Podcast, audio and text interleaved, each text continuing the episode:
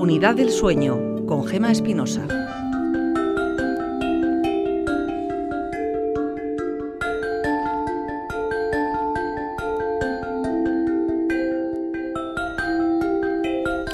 Por las carreteras vascas ha pasado este verano un 12% menos de coches y camiones, pero ha aumentado el número de fallecidos. 10, o sea, 4 más que el año pasado. ¿Qué ha pasado?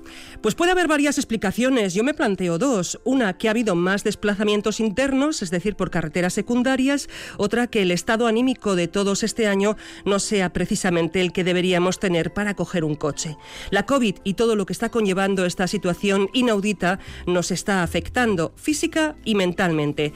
Pero más vale que nos acostumbremos a vivir y a convivir con el virus teniéndolo siempre a raya, porque la cosa va para largo.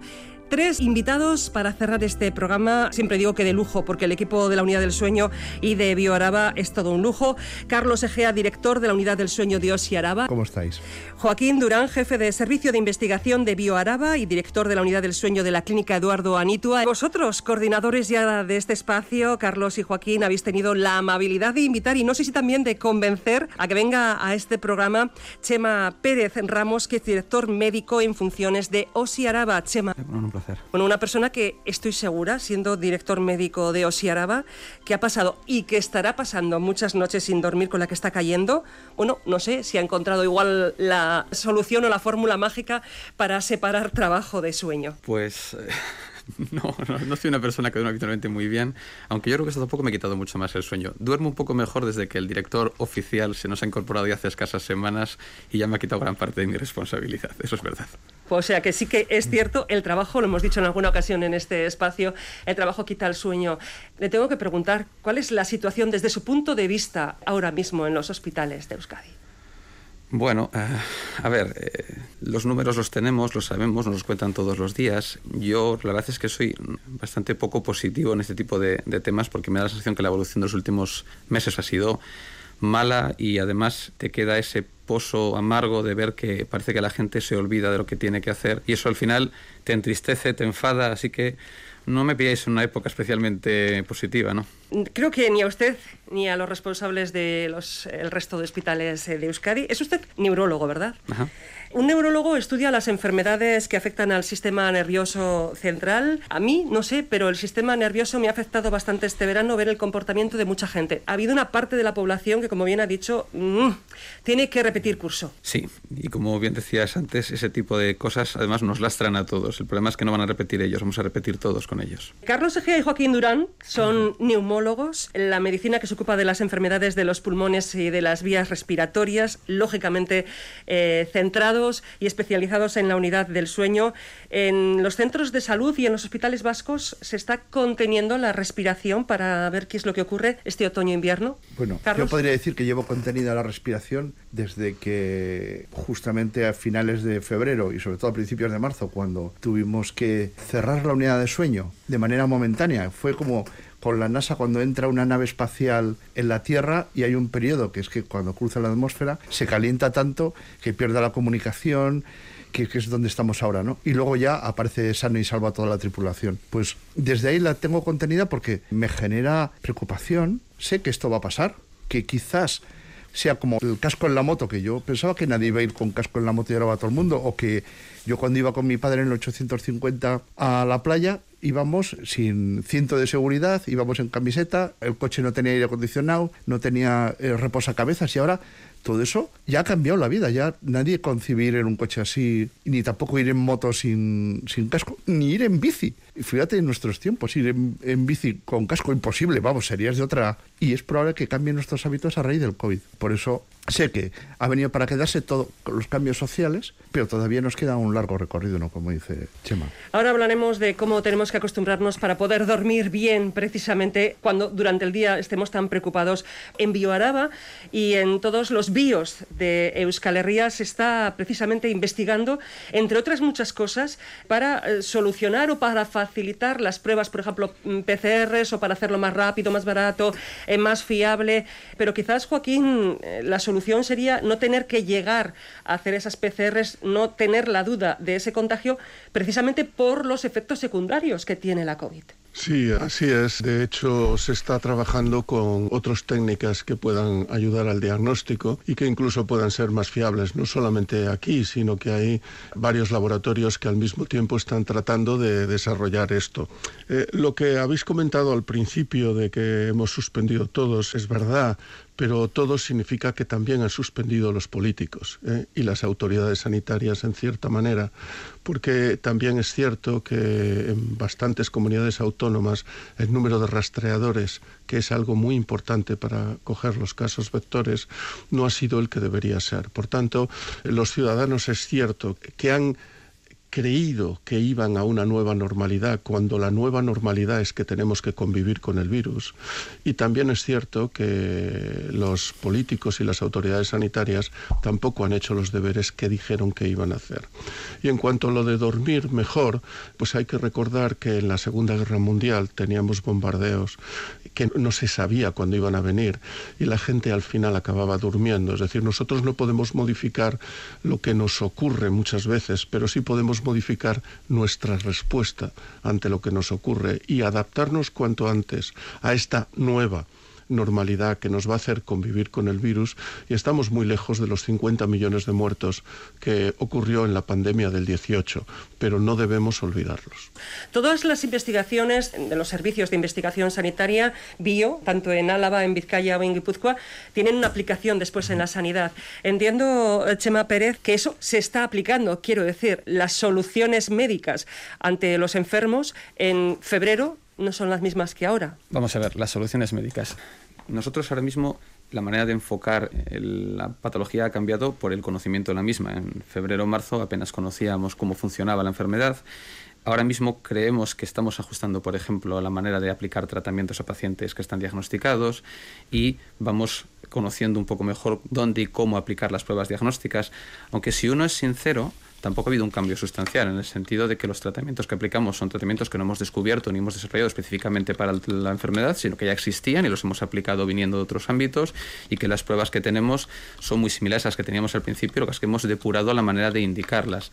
Y luego la parte quizás que todos tenemos más esperanza, que es la parte de la vacuna, es algo que todavía está en mantillas. Vamos a poner unos meses. No pensemos en uno ni en dos, ¿verdad? Ojalá, ojalá, veremos a ver. No le veo muy positivo, muy optimista en ese sentido. Porque en la historia de la medicina no hemos conseguido desarrollar nunca tratamientos ni vacunas con tanta celeridad. Entonces, por mucho que estamos haciendo un esfuerzo tanto intelectual por parte de mucha gente como económico para conseguir esa vacuna, no tenemos en la historia un ejemplo que nos permita ser positivos. Yo creo que hay que ser, sobre todo los responsables políticos en estas cosas, hay que ser muy cauto con lo que uno promete y dice a la ciudadanía, porque hay cosas que creo que no podemos comprometernos a, a tener para una determinada fecha. Y una última pregunta que quería hacerles a los tres antes de entrar exclusivamente en el tema del, del sueño, porque parece que siempre hablamos de los contagios, de intentar solucionar eh, médicamente, llegar al hospital, cómo me cuidan en el hospital, pero es que después de los hospitales o después de pasar la, la COVID en casa, hay unas consecuencias físicas importantes que yo creo que no se deberían perder de vista, porque hay alguno que dice, bueno, si si me contagio pero salvo, pues ya está, ya, pero es que hay después una trastienda. Están llegando eh, muchas personas que buscan atención tras haberse recuperado y dar negativo. Sí, yo estoy viendo, no muchos, porque decir muchos es como un número indefinido, un porcentaje de personas que primero se quedan tocados desde el punto de vista psicológico porque es como si de repente te va a pillar un coche, ¿no? Y te ha pillado. Y hasta que no sales no eres consciente de lo que ha pasado. Segundo, depende de la severidad también, ¿no? Si has ingresado el impacto es mucho mayor. Y luego que el cansancio, la sensación de falta de aire, dolores, es decir, va más allá de lo que hace una gripe, que una gripe es cinco días o siete días con fiebre y luego te recuperas rápidamente. Esto tarda en recuperarse, incluso hay poquito porcentaje que se queda con, unas secuelas. Secuelas que podemos hablar de un cansancio. Eh, cansancio o alteración de la respiración definido como que te falta el aire. Problemas cardíacos. Sí, un montón de, de, cosas que incluso neurológicos que estamos viendo, no en un porcentaje, estamos hablando de los graves que se quedan no en la población en general y que se quedan con eso que tarda meses. O sea, de hecho, se estima en más de 70 días los efectos de un pequeño porcentaje con síntomas, ¿no? Y luego hay algunos que esos síntomas van a quedarse perpetuos, pocos. Y eso es diferente de los demás virus que conocemos, ¿no? Eso es lo nuevo. Claro, pero un, pocos de un porcentaje alto de personas hospitalizadas pueden ser muchos. Claro, ya te digo, depende de la gravedad y el impacto que tiene, sobre todo en la esfera de los pulmones. ¿no? Chema, Joaquín, neurólogo y neumólogo. Bueno, la, la, sensación de fatiga crónica, de cansancio crónico, también la estamos viendo en pacientes que no han ingresado, es decir, que han tenido síntomas y que la recuperación no es lo que se llama ad integrum, es decir, no es completa. Eh, lo cuentan muy bien cuando hablan los pacientes de que tienen como una especie de fatiga primer esfuerzo, que quiere decir que cuando empiezan a hacer un esfuerzo, ese primer esfuerzo, se notan especialmente cansados. Luego sería como que alguien empieza a andar y al empezar a andar le cuesta y luego cuando arranca ya puede andar. Pero esa sensación de fatiga crónica es muy limitante en la actividad y en la calidad de vida. Y además no sabemos qué duración va a tener en el tiempo. Estimamos, como ha dicho Carlos, que como mínimo está en torno a tres meses. Pero vemos pacientes que puede durar hasta seis meses y más. Y les tenemos que explicar cuidadosamente que esta fatiga crónica forma parte de este daño metabólico que produce el virus y que todavía no sabemos bien el alcance. Por tanto, sí, muy bien tener inmunidad, pero mucho mejor no tener el virus. También un tiempo futuro que desconocemos. En eso, Chema, también prevén ustedes la llegada de esos enfermos, atención eh, ya no en hospitales, posiblemente en atención primaria, ¿no? Sí, vamos, una vez que hemos superado la fase aguda, evidentemente donde recae el peso de la asistencia de atención primaria, tendremos que ver cómo evoluciona, pero ciertamente tenemos pacientes a día de hoy que todavía quejan síntomas tiempo después de haber sido dados de alta y de haberse teóricamente recuperado de lo que es la infección en fase aguda y habrá que ver cómo evoluciona. Y luego hay una secuela que también está por ver y es la secuela de la gente sana y de la sociedad. El miedo que tenemos todos ahora a salir, a interactuar, a vernos en un bar. Yo creo que hay, y todos somos conscientes, un porcentaje de la población que tiene ahora mismo un miedo patológico a todo lo que es la interacción humana. Eso es otra secuela de esta enfermedad que tendremos que ver cómo evoluciona, porque nos va a costar quitarnos ese miedo de encima. Sí, de hecho, seguro que los oyentes no nos ven cómo estamos a casi tres o cuatro metros de distancia. Tenemos a Joaquín metido en una pecera, eh, alejado de nosotros. Y todo esto, como dice Chema, es que ha cambiado. ¿Cómo nos vamos a relacionarlo? ¿Cómo va a ser los noviazgos del futuro? Serán online a dos metros por videollamada, aunque te ves, no sé. Es que que creo que es importante también reseñar, aquellos pacientes que ya tenían otras patologías crónicas y un poco en la línea de lo que ha dicho Chema, se han autolimitado sus controles médicos y sanitarios. Estos pacientes podrían empeorar al tener un menor control sanitario porque ellos mismos han autolimitado su eh, tendencia a ser controlados a nivel sanitario. Por tanto, esto también tenemos que controlarlo y saber qué va a pasar con estos pacientes. Hablo de eh, enfermedad pulmonar obstructiva crónica, insuficiencias cardíacas, diabetes, etcétera. Por tanto, esto debemos de tenerlo en cuenta. Puesto que este es un espacio del sueño, ¿cómo podemos solucionar el problema de los trastornos del sueño?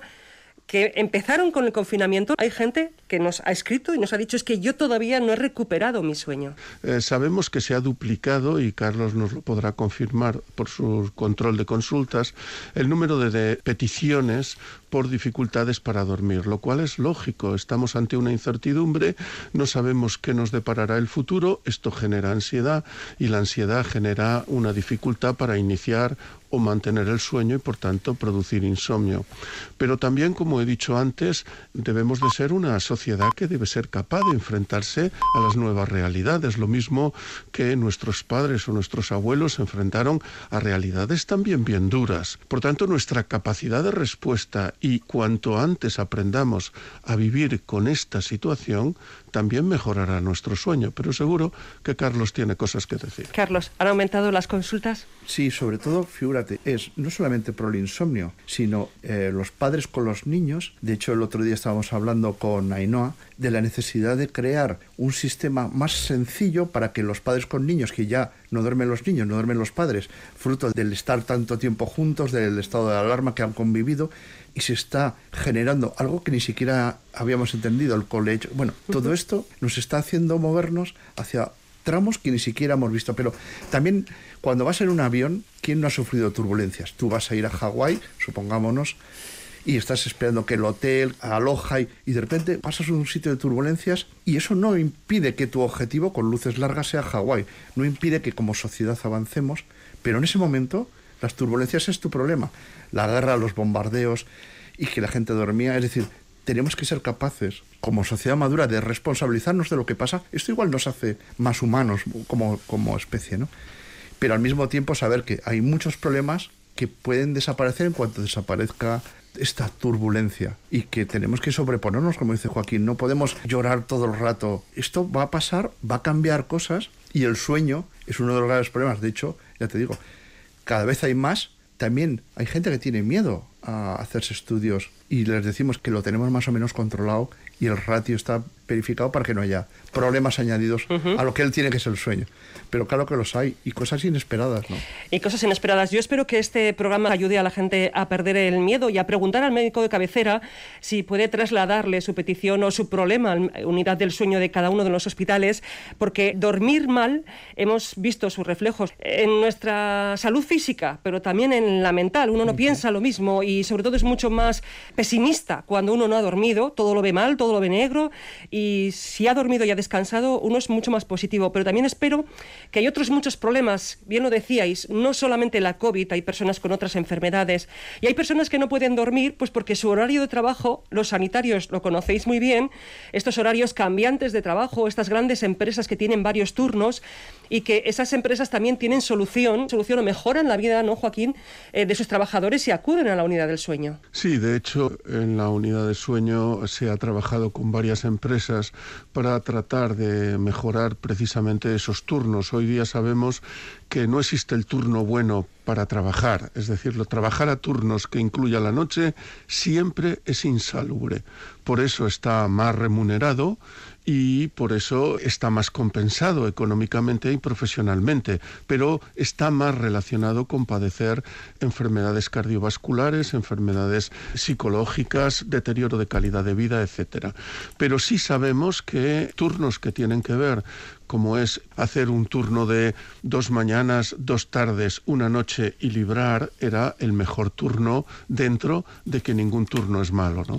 Y hoy día las empresas cada vez más se implican en lo que es el concepto de salud de sus trabajadores, porque una empresa que está preocupada por la salud de sus trabajadores, entre otras cosas, consigue mejores rendimientos laborales y una mayor satisfacción y un mayor nivel de salud.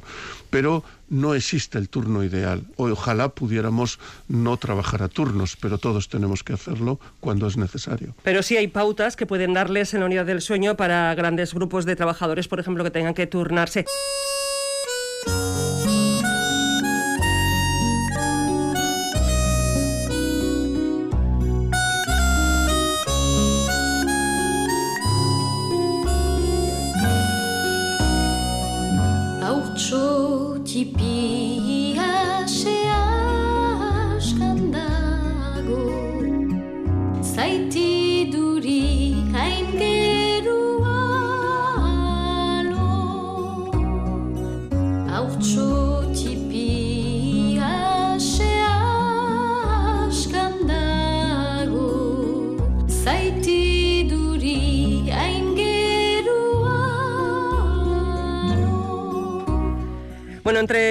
Muchos eh, temas que nos han preguntado, hemos explicado, por ejemplo, cómo son las pruebas del sueño, eh, para qué sirven, qué te hacen.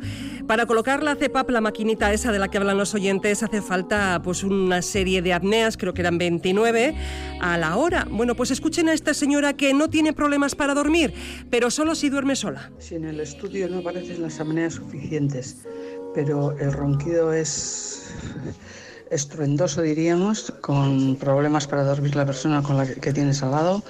¿Hay algún tipo de solución que pueda paliar el ronquido? El problema es que la persona que tiene al lado ronca demasiado, no tiene apneas suficientes para la CEPAP, pero busca una solución. Hay solución. No sé si le han hecho un estudio de sueño porque no lo he oído. No, no lo dice, no lo dice. ¿Por qué? Primero, daros cuenta que 30 decibelios es el ruido permitido por el boletín oficial a la noche. Por eso los bares, las cafeterías, el ambiente está muy controlado. Y hay ronquidos que superan los 80 decibelios, que es una sirena de una ambulancia. ¿Una sirena de una ambulancia? Sí.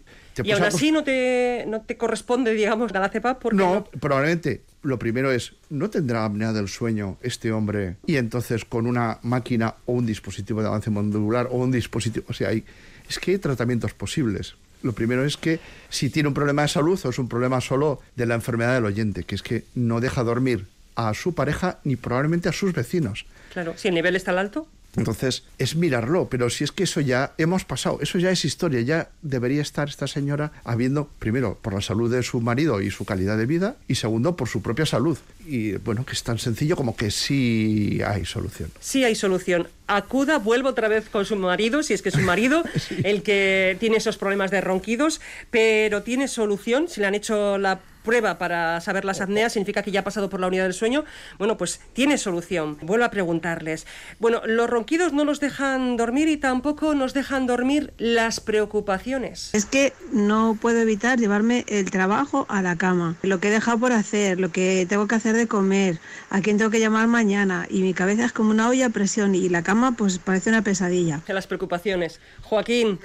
Ay, ¿qué podemos hacer para que las preocupaciones... Esto le debería preguntar a Chema también, sí, para que las preocupaciones no se las lleve al, al sueño. Bueno, solemos explicar a, a los pacientes cuando hacen este planteamiento que es como si alguien quiere hacer una carrera y quiere hacerla con un esguince de tobillo y con un, una epicondilitis en el codo, seguro que va a poder correr, pero no va a llegar a ninguna parte.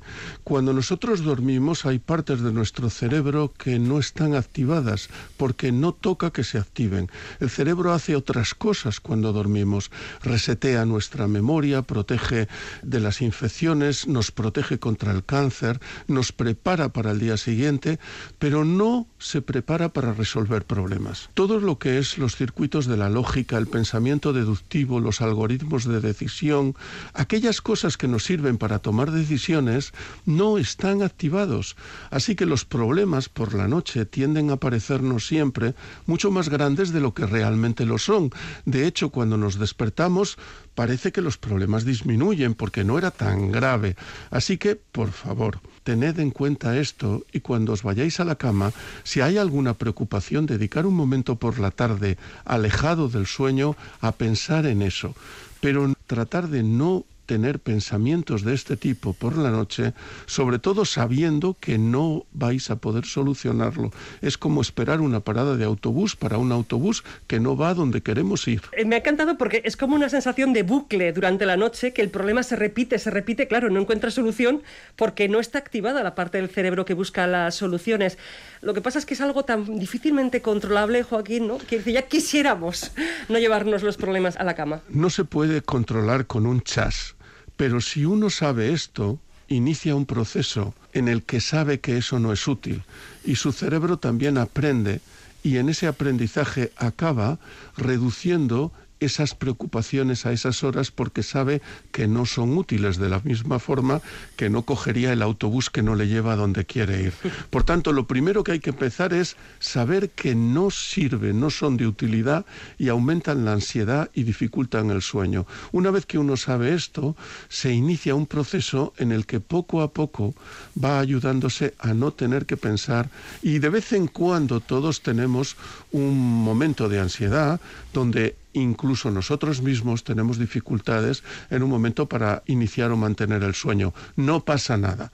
Al día siguiente volvemos a intentarlo, volvemos a estar mejor y saber que no hay que entrar en pensamientos circulares de ese tipo, nunca. Así que no le dé vueltas porque no va a encontrar la solución por la noche.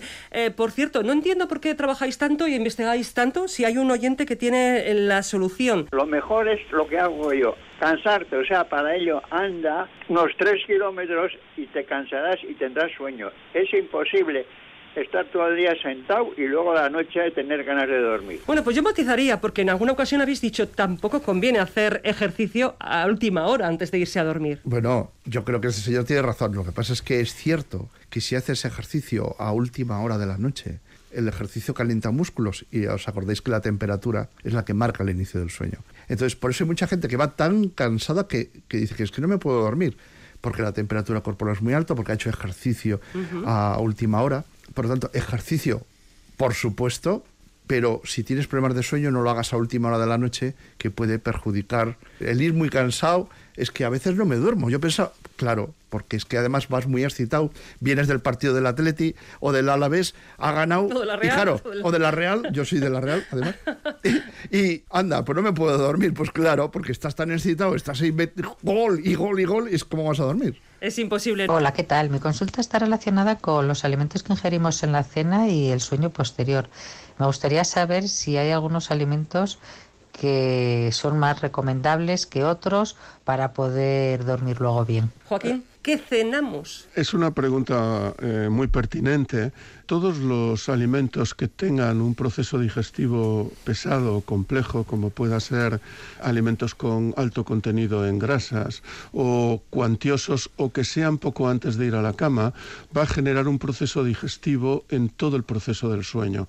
Ese proceso digestivo, aparte que pueda favorecer el reflujo gastroesofágico, acidez, que va a dificultar nuestra digestión y nos va a crear y va a interrumpir nuestro sueño. Lo lógico es cenar pronto, pronto significa 7 u 8 de la tarde. Ya sé cuáles son los horarios en España que son un auténtico desastre, ¿eh?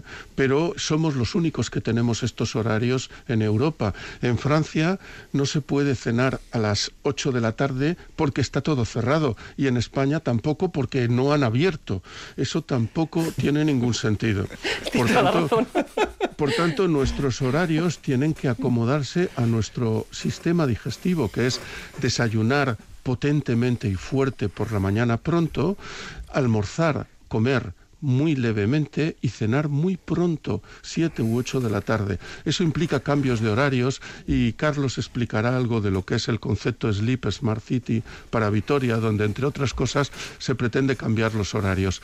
Pero la pregunta de esta oyente, cenar pronto, poca cantidad y cuanto más alejado del proceso digestivo, mejor.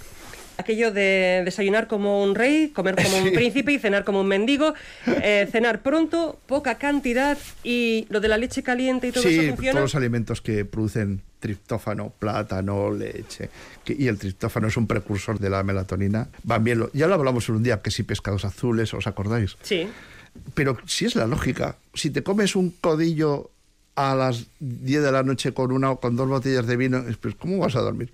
Si es que el cuerpo dice, joder, es que hasta que no termine con esto, ¿cómo le voy a decir que duerma? Si es que igual eh, lo vomita o, o tiene un reflujo Y además te sube la temperatura cuando estás en ese momento. y la bilirrubina y lo sube. O sea, es decir, que hay que hacer cosas lógicas. Eh, como dice Joaquín, queremos. Una de las cosas son los horarios, ¿no? Que nos levantamos en horario de Alemania y nos acostamos en horario de Finlandia. Bueno, tenemos un lío que eso ¿Repercute? Tiene una cosa negativa, que es que, claro, queremos estar a las 10 de la noche tomando con sol algo. Y una positiva, que es que si lo haríamos, nuestra salud sería mejor. Que es, ahora lo estamos viendo, la salud, salud, dinero y amor. Sí, eso es lo que funciona, ¿no? Roberto Mosso está recogiendo las preguntas que están llegando de los oyentes. Más que preguntas, hay muchísimas observaciones al hilo de lo que se haya podido escuchar eh, durante el programa, muchas obviamente sobre el asunto COVID-19, ¿no? Pero también hay algunas preguntas. En cuanto a las observaciones, podríamos casi resumirlas en, eh, en este comentario. ¿Cómo vamos a dormir bien si además del COVID tenemos los daños colaterales que acarrea el no poder acudir al médico con normalidad? ¿Para cuándo la normalidad en los ambulatorios? Nos dice. Una pregunta más concreta. ¿Podría dar algunos ejemplos de las soluciones que hay para aquellas personas que no tienen problemas de apnea, pero sí de ruidosos ronquidos? Es lo que preguntaba la primera oyente, ¿no? Que decía, no hay apneas, pero sí hay soluciones para los ronquidos, Carlos. Sí, efectivamente, hay dispositivos que gracias a, la- a los dentistas podemos colocar, o incluso igual es postural, o incluso hay fortalecimiento de determinados grupos musculares. Sí que lo hay y podemos ayudarle en la mayor parte de los casos. Aunque no haya apneas. Aunque el número de apneas no sea para tratar como un problema de salud de apneas, sino un problema derivado del ruido, etcétera. ¿no? Chema, creo que el tema de la normalidad en los ambulatorios eh, podría responderla. Vamos a ver, desde hace ya tiempo trabajamos por normalizar poco a poco la situación. El problema es que este concepto que nos vendieron, del que antes hablaba Joaquín, de la nueva normalidad, yo no creo mucho en el marketing, no existe una nueva normalidad. La normalidad es lo que teníamos hace un año, esto que vivimos ahora ni es nuevo ni es normal. Nos impide determinadas cosas que hacíamos antes. De primeras, tenemos un porcentaje muy importante de nuestros facultativos, de nuestros profesionales de enfermería dedicados al tema del COVID. Eso es evidente que lastra mucho porque estamos en una situación, yo creo que crónica ya, clásica, de carestía de profesionales. No hay gente en el mercado laboral para contratar y conseguir cubrir huecos o conseguir sustituir a estas personas que hemos dedicado a otras funciones. Eso nos lastra mucho cara a poder atender a los pacientes. Por otro lado, queremos ser atendidos, pero también queremos ser atendidos en una situación de normalidad. En su momento, y todos lo sabemos, teníamos en muchas ocasiones las salas de espera de las consultas de atención primaria llenas de gente. Eso no lo podemos hacer ahora. Entonces, Queremos atender a los pacientes presencialmente, y aquí hablo como médico y mis compañeros lo que opinan igual, siempre que podamos, pero eso tiene que ser compatible también con que la situación y la coyuntura sea segura para los pacientes.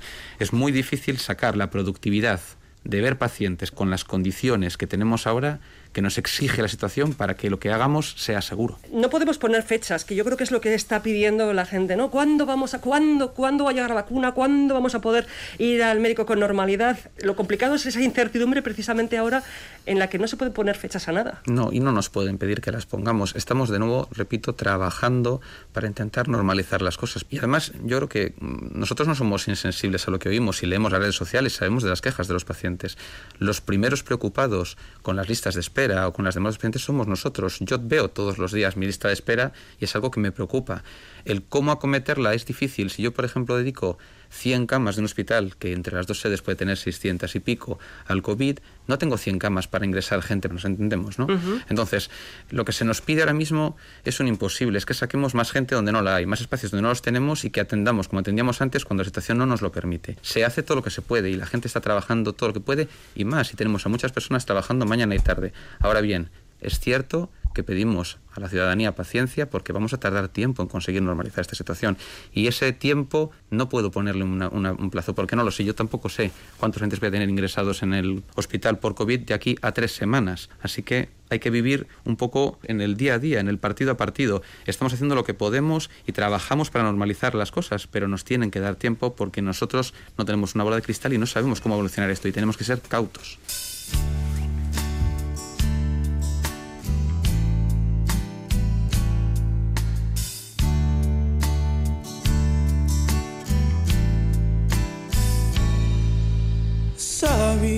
Bueno, vamos a seguir con preguntas del sueño los últimos minutos. Mi mujer de 52 años también está habitualmente agotada, duerme fatal y le cuesta mucho volver a conciliar el sueño. A veces horas me dice que es porque yo ronco mucho. A veces se va a la otra habitación a dormir en mitad de la noche e incluso otras directamente al irnos a dormir surge la discusión. Mi pregunta es, ¿son mis ronquidos los que no le dejan dormir o es que los oye porque ella es incapaz de volverse a dormir? ¿Es tratable? Bueno, es una pregunta también muy pertinente porque el ronquido depende de la percepción de la persona que está durmiendo al lado. Si una persona duerme bien, tendrá una percepción del ronquido de su pareja menor que una persona que duerma mal. Y también si hay una buena relación de pareja, y esto se ha demostrado y hay estudios donde las parejas que se llevan bien tienden a sincronizar su sueño y a tener un sueño de mayor calidad. Es decir, se ha demostrado que dormir en pareja, en aquellas parejas que se llevan bien, mejora la calidad del sueño. Por tanto, la percepción del compañero o compañera es diferente en función de todas esas variables.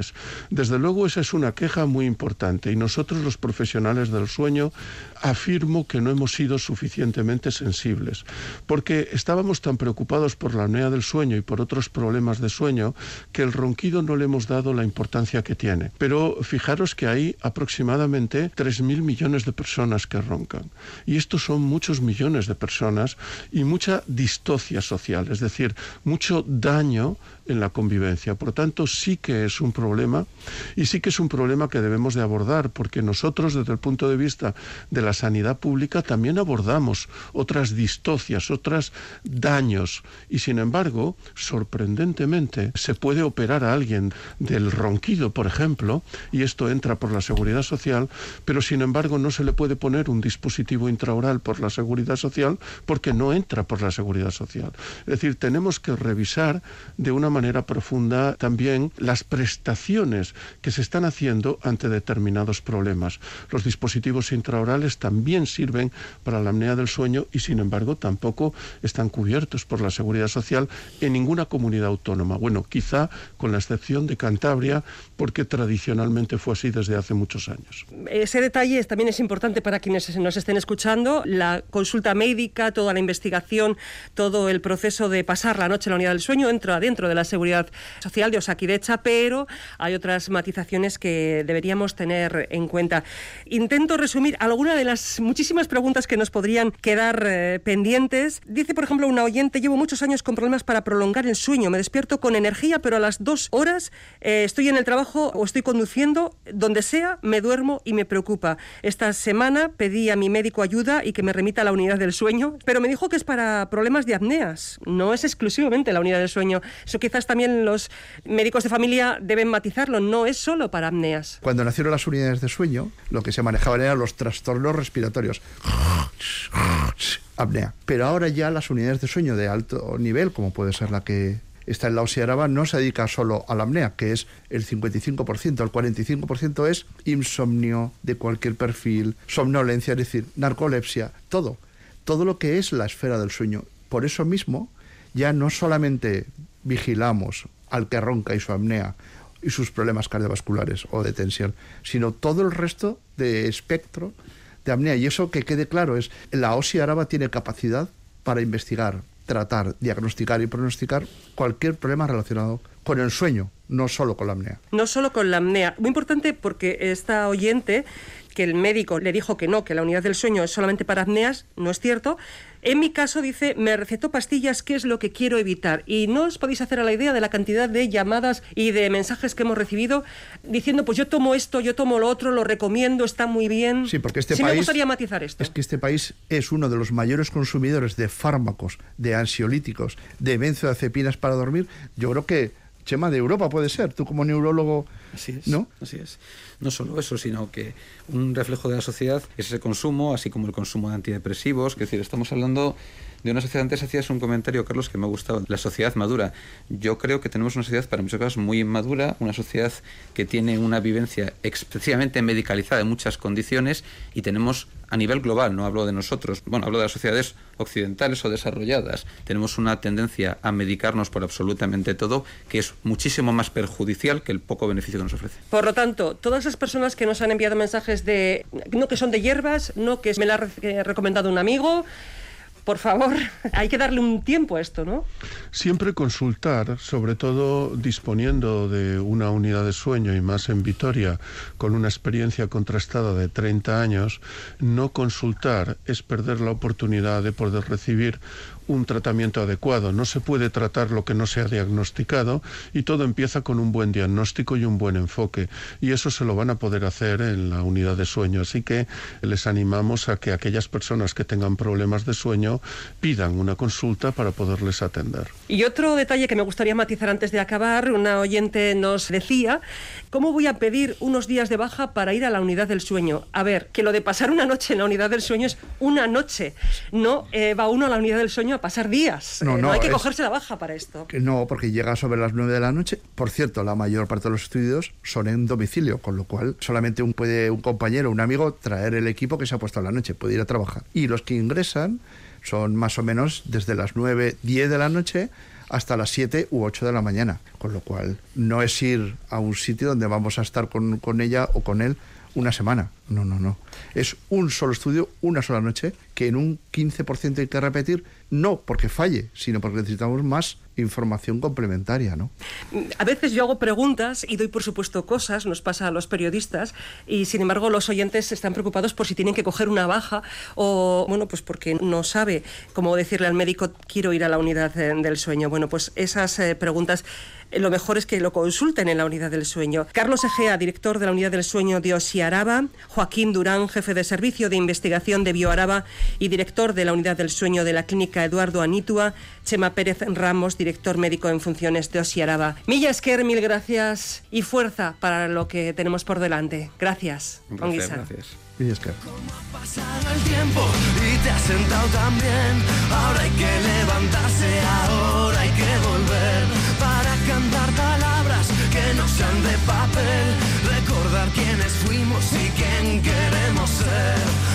dime por qué sin hacer nada tú te enfadas conmigo.